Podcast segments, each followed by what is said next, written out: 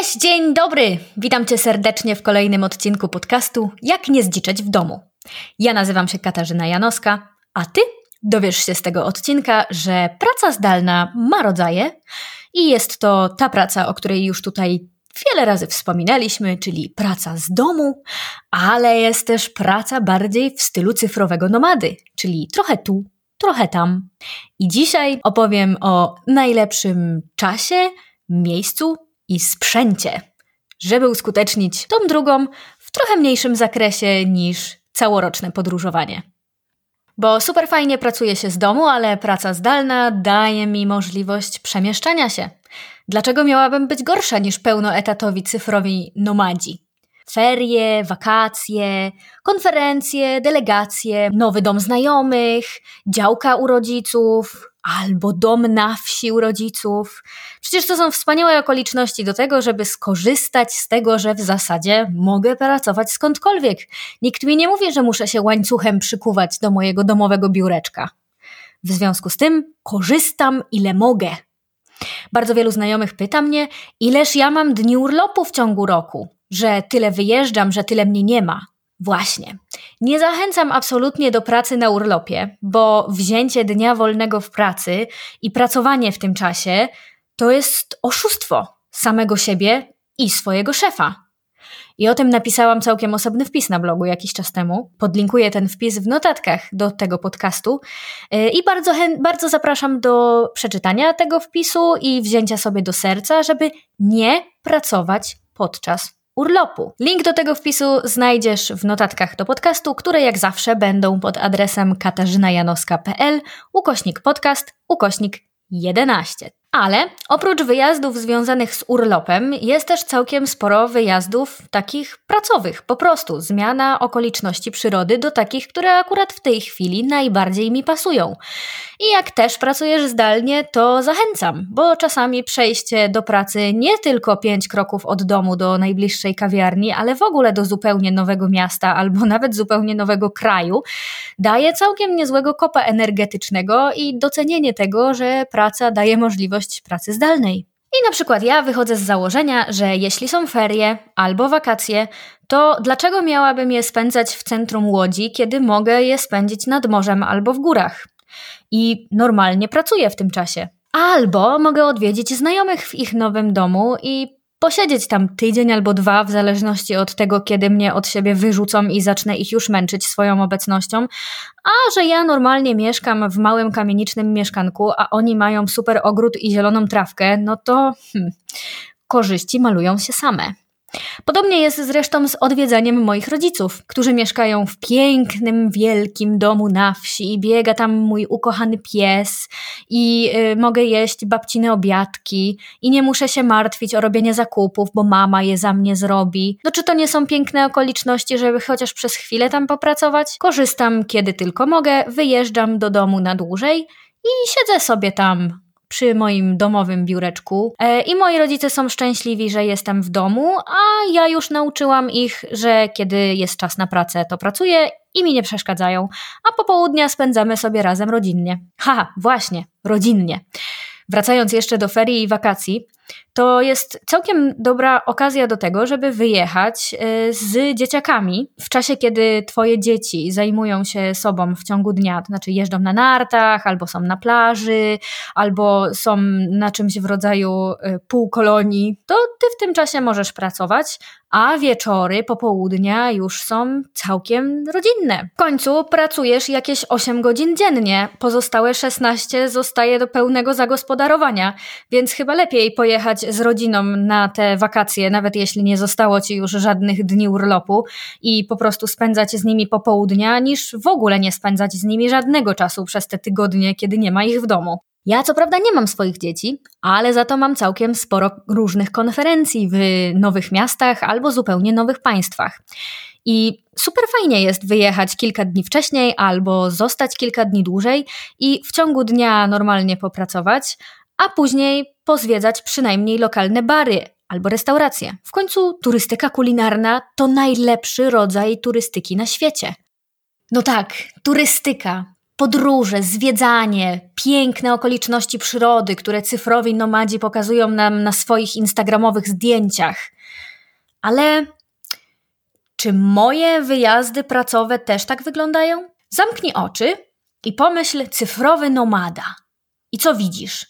Bo mam wrażenie, że cały świat widzi ten rajski obraz, kiedy ten koleżka siedzi na kocyku na plaży. Na głowie ma słomkowy kapelusz, stopy zanurzone w piasku, laptop na kolanach i czuje te ziarenka przesypujące się po, pomiędzy palcami. I ten wiatr delikatnie muskający policzki i ten szum morza w tle. A on siedzi i coś tam pisze na tym komputerze. Albo w wersji bardziej zimowej yy, wyobrażam sobie te okoliczności. Ten drewniany domek, trzaskający w kominku ogień, ja na kanapie skórzanej z laptopem na kolanach i z grzanym winem unoszącym się w powietrzu. Bez kitu. Polecam wpisać sobie w Google yy, cyfrowy nomada albo digital nomad jeszcze lepiej i zobaczyć co wyskakuje w Google Grafika. Nawet zrobiłam ten eksperyment i w sumie screenshota z tego eksperymentu wrzucam do notatki do tego podcastu. To totalnie warto zobaczyć, bo ewidentnie cyfrowy nomada to jest taka osoba, która siedzi na plaży, na hamaku, na leżaku, przy basenie i generalnie chilluje całymi dniami, a ta kasa to wpada do kieszeni po prostu sama z siebie i nie ma co mówić o żadnej pracy. Nie chcę cię martwić, ale niestety w prawdziwym życiu to tak nie wygląda. Mm-mm. Kiedy pójdziesz na tą plażę i siedzisz z tymi stopami w piasku i ten piasek tak cudownie sypuje się z twoich łydek w czasie, kiedy układasz się na kocyku, to niestety ten sam piasek sypuje się również z twojej komputerowej klawiatury i tracisz gwarancję na laptopa, więc nie polecam. Druga sprawa, może masz słomkowy kapelusz na głowie, ale kurde, ta świecąca, błyszcząca matryca totalnie nie pomaga w pracy. Co więcej, twoja bateria najpewniej wystarczy na jakieś 3 do 5 godzin, a potem co? A potem nie ma prądu na tej plaży. I wiesz, co jest najgorsze? Najgorsze jest to, że i tak przerwiesz tą pracę co najwyżej po godzinie dwóch, bo musisz siku. I nikt ci kurde tego kocyka nie przypilnuje. I, I musisz spierdzielać do swojej lokalizacji, gdzie masz spanko, tylko po to, żeby zrobić siku. I tyle było z romantycznej pracy na plaży. A ten obrazek w domku drewnianym nawet byłam w takim domku w tym roku i z pamięci ten obraz podawałam i, i, wszystko się zgadzało. Problem polega na tym, że to totalnie nie są warunki do pracy. Bo jak masz tego laptopa na kolanach, to ty tam prędzej zaśniesz po tym winie grzanym i od tego ciepła tego kominka i hello, na pewno nie będziesz y, w samotności siedzieć przy tym kominku, bo nie po to jedziesz na wakacje z rodziną i przyjaciółmi, żeby y, oni gdzieś wybyli, a ty przy tym kominku w samotności. Nie, nie, nie. Oni też siedzą przy tym kominku i gadają, gadają o tych fantastycznych wszystkich tematach, do których chcesz dołączyć. Więc nie chcę cię martwić, ale jeśli chodzi o miejsce do pracy, to zdjęcia, które wyskakują na hasło Digital Nomad, kłamią. Zarówno Twój kręgosłup, jak i Twoja wydajność, jak i Twój szef będą Ci szalenie wdzięczni, jeśli nie dasz się oszukać tym rajskim obrazkom i znajdziesz sobie na wyjeździe godne miejsce do pracy. A czym godne miejsce jest? Otóż potrzebujesz jakiegoś biurka albo stoliczka i czegoś, yy, na czym będziesz siedzieć, jakaś piłka, jakieś krzesło wygodne. No a jak już możesz stać i siedzieć na zmianę, to po prostu jest wypas.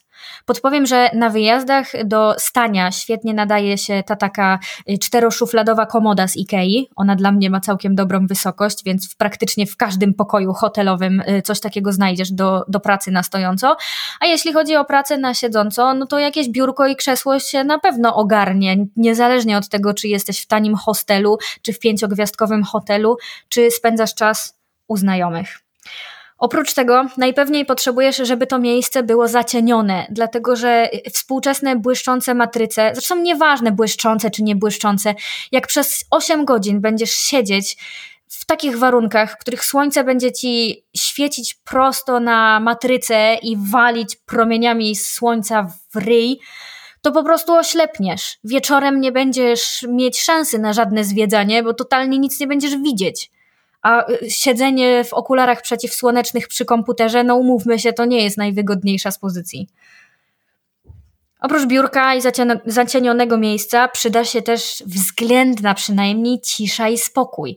Ja rozumiem, że taki kawiarniany ambient bardzo pomaga w pracy, ale niestety siedzenie na stoku narciarskim y, w kawiarence albo na plaży, gdzie dzieciaki biegają z tymi piłkami, drą mordy po prostu z każdej strony, od czasu do czasu w ogóle dostaniesz tą piłką prosto w klawiaturę, Weź se znajdź jakieś spokojne miejsce, zamknij się w tym pokoju na ten czas, kiedy pracujesz i po prostu odetnij się od świata zewnętrznego. Wszędzie jest taka możliwość. Mnie udało się to osiągnąć nawet pracując na łodzi. A, no i coś, o czym już wspomniałam.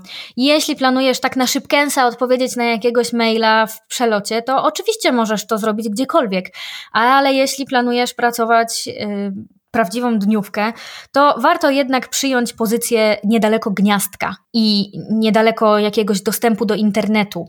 Oprócz dostępu do internetu i gniazdka, uwaga, będzie bardzo praktycznie dostęp do siku. Dlatego, że mniej więcej co dwie godziny latasz do toalety, i znalezienie sobie miejsca, w którym masz dostęp do toalety bez żadnej zbędnej logistyki pod tytułem muszę zwinąć tego laptopa, schować go do plecaka, zabrać ze sobą plecak, a potem się martwić, że jak wrócę to moje miejsce będzie zajęte, albo że już mnie okradli z tych rzeczy, które zostawiam na kocyku czy tam przy stoliczku. Więc ta praca zdalna wyjazdowa niewiele różni się w rzeczywistości od tej pracy zdalnej we własnym domu. Jedyne, czego nie masz, to wygodne, regulowane biurko i twój ulubiony fotel. A oprócz tego zasadniczo, no, ja przynajmniej staram się dążyć do podobnych warunków jak te domowe. Wygodnie, cicho, spokojnie, z prądem, z siku pod ręką, a jak lodówka jest w zasięgu wzroku, ło panie, to już jest najlepsze wyjazdowe miejsce do pracy ever. Obiecałam jeszcze czas i sprzęt, więc przejdźmy do czasu. Kilka razy już wspomniałam, że pełnoetatowe pracowanie zdalne to 8 godzin, bo dla mnie to właśnie jest 8 godzin, za tyle mi płacą, więc tyle pracuję. I mam kilka takich wzorów, jeśli chodzi o tą pracę nie na urlopie, tylko na pracowym wyjeździe. Wzór numer jeden to po prostu praca od 8 do 17, tak jak zawsze. I potem popołudnie mam wolne i mogę sobie wychodzić ze znajomymi, czy tam z rodziną i cieszyć się tym wspólnym czasem popołudniami. Y, drugi model to taki, w którym już trochę więcej logistyki to ode mnie wymaga, dlatego że w pracy muszę poinformować, że tak będzie wyglądała moja praca przez najbliższych kilka dni. I to jest y, pół dnia rano, i często zdarza się, że to jest tak bardzo rano, na przykład od 6 rano do 10, to wtedy akurat normalnie ludzie na wakacjach w tym czasie jeszcze śpią. Y, potem sobie gdzieś razem idziemy, coś robimy, no i te pozostałe 4 godziny ja dopracowuję wieczorem jak dobrze widzisz, w tych moich normalnych godzinach pracy praktycznie mnie w tej pracy nie ma. To dlatego muszę wcześniej wszystkich poinformować, że ja będę pracować, ale no nie będę dostępna w tych normalnych godzinach, więc wszystkie możliwe konsultacje, spotkania i tak dalej musimy próbować e, ustawić na te godziny, kiedy ja akurat będę przy komputerze.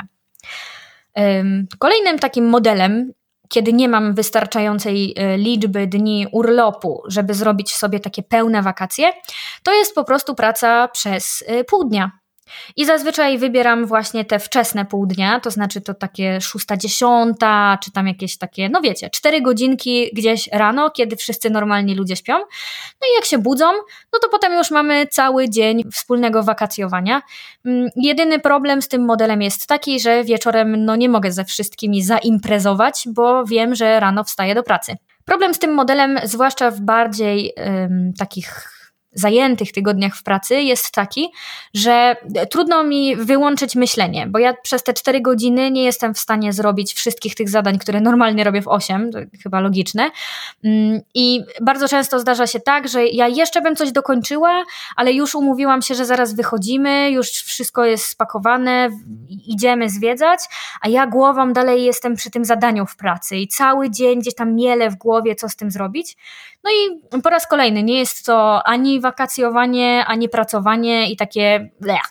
W związku z tym, czasami jak jest luźny tydzień w pracy, to można tak zrobić, ale jak jest bardziej zajęty okres, to dużo lepszym rozwiązaniem dla mnie jest na przykład y, pracowanie 2,5 dnia i wtedy na przykład pracuję cały poniedziałek, e, później we wtorek cały dzień gdzieś tam e, spędzam razem ze znajomymi, coś zwiedzamy, jeździmy, później w środę ja sobie znowu pracuję i chodzę na wszystkie pracowe spotkania, no a w czwartek y, gdzieś się znowu coś zwiedzamy, chodzimy, no wiesz, tak przeplatane takie. Niby jestem tyle samo czasu w pracy, bo wzięłam sobie te połowę dniówek wolnych, e, ale za to mam pracę ułożoną w takich blokach i mojej głowie dużo łatwiej jest się dostosować do sytuacji, w której albo pracuję, albo nie pracuję. Bo jak tak trochę pracuję, trochę nie pracuję, to jest mi się zupełnie trudno przestawić.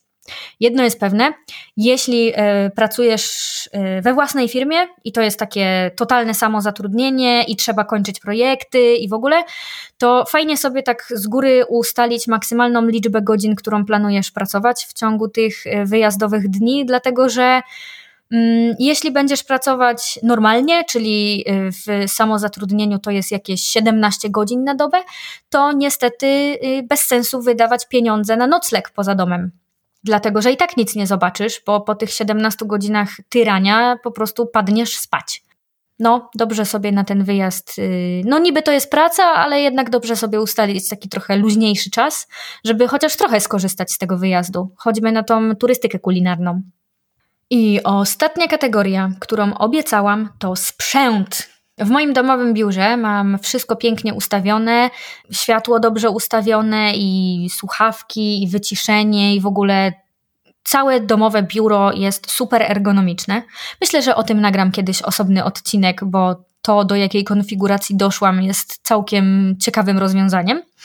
Ale na wyjeździe y, koniecznie trzeba mieć ze sobą kilka rzeczy to biurko, krzesło, komody z Ikei to na miejscu zawsze się znajdzie, jeśli chodzi o to takie miejsce do pracy, ale sprzęt trzeba wziąć ze sobą.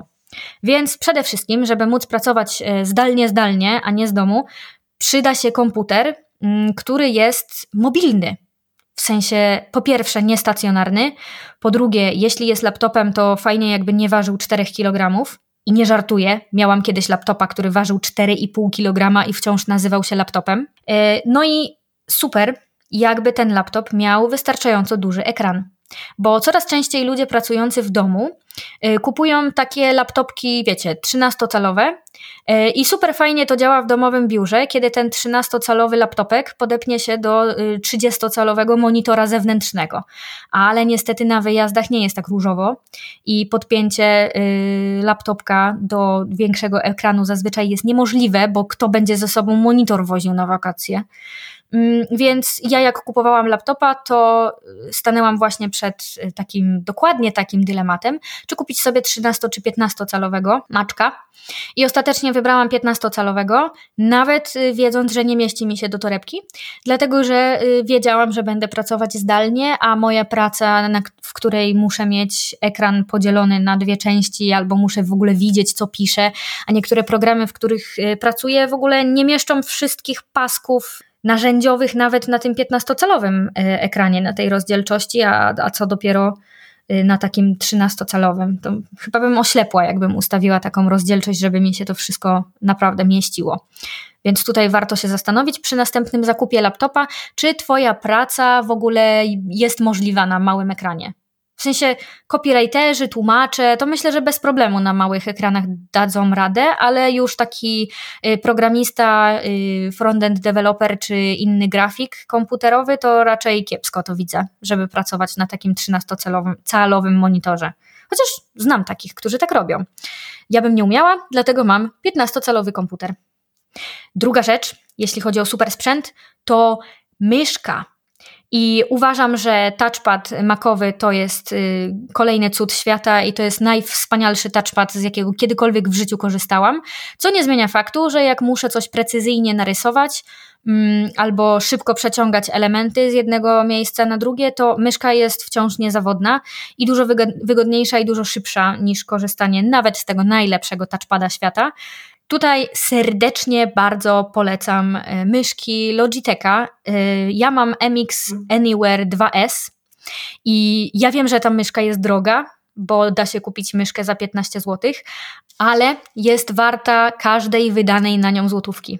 I pracuję z nią zarówno w moim domowym biurze, jak i na wyjazdach. Pasuje do mojej dłoni, To jest y, mały model tej myszki, a jest też większy, który nie nazywa się Anywhere, tylko jakoś inaczej. Podlinkuję jeden i drugi model w wpisie do tego podcastu. Jest super, bo sunie bardzo gładko po każdej możliwej powierzchni, naprawdę każdej możliwej powierzchni, nawet czarnym, welurowym materiale, co trudno sobie wyobrazić przy zwyczajnej myszce.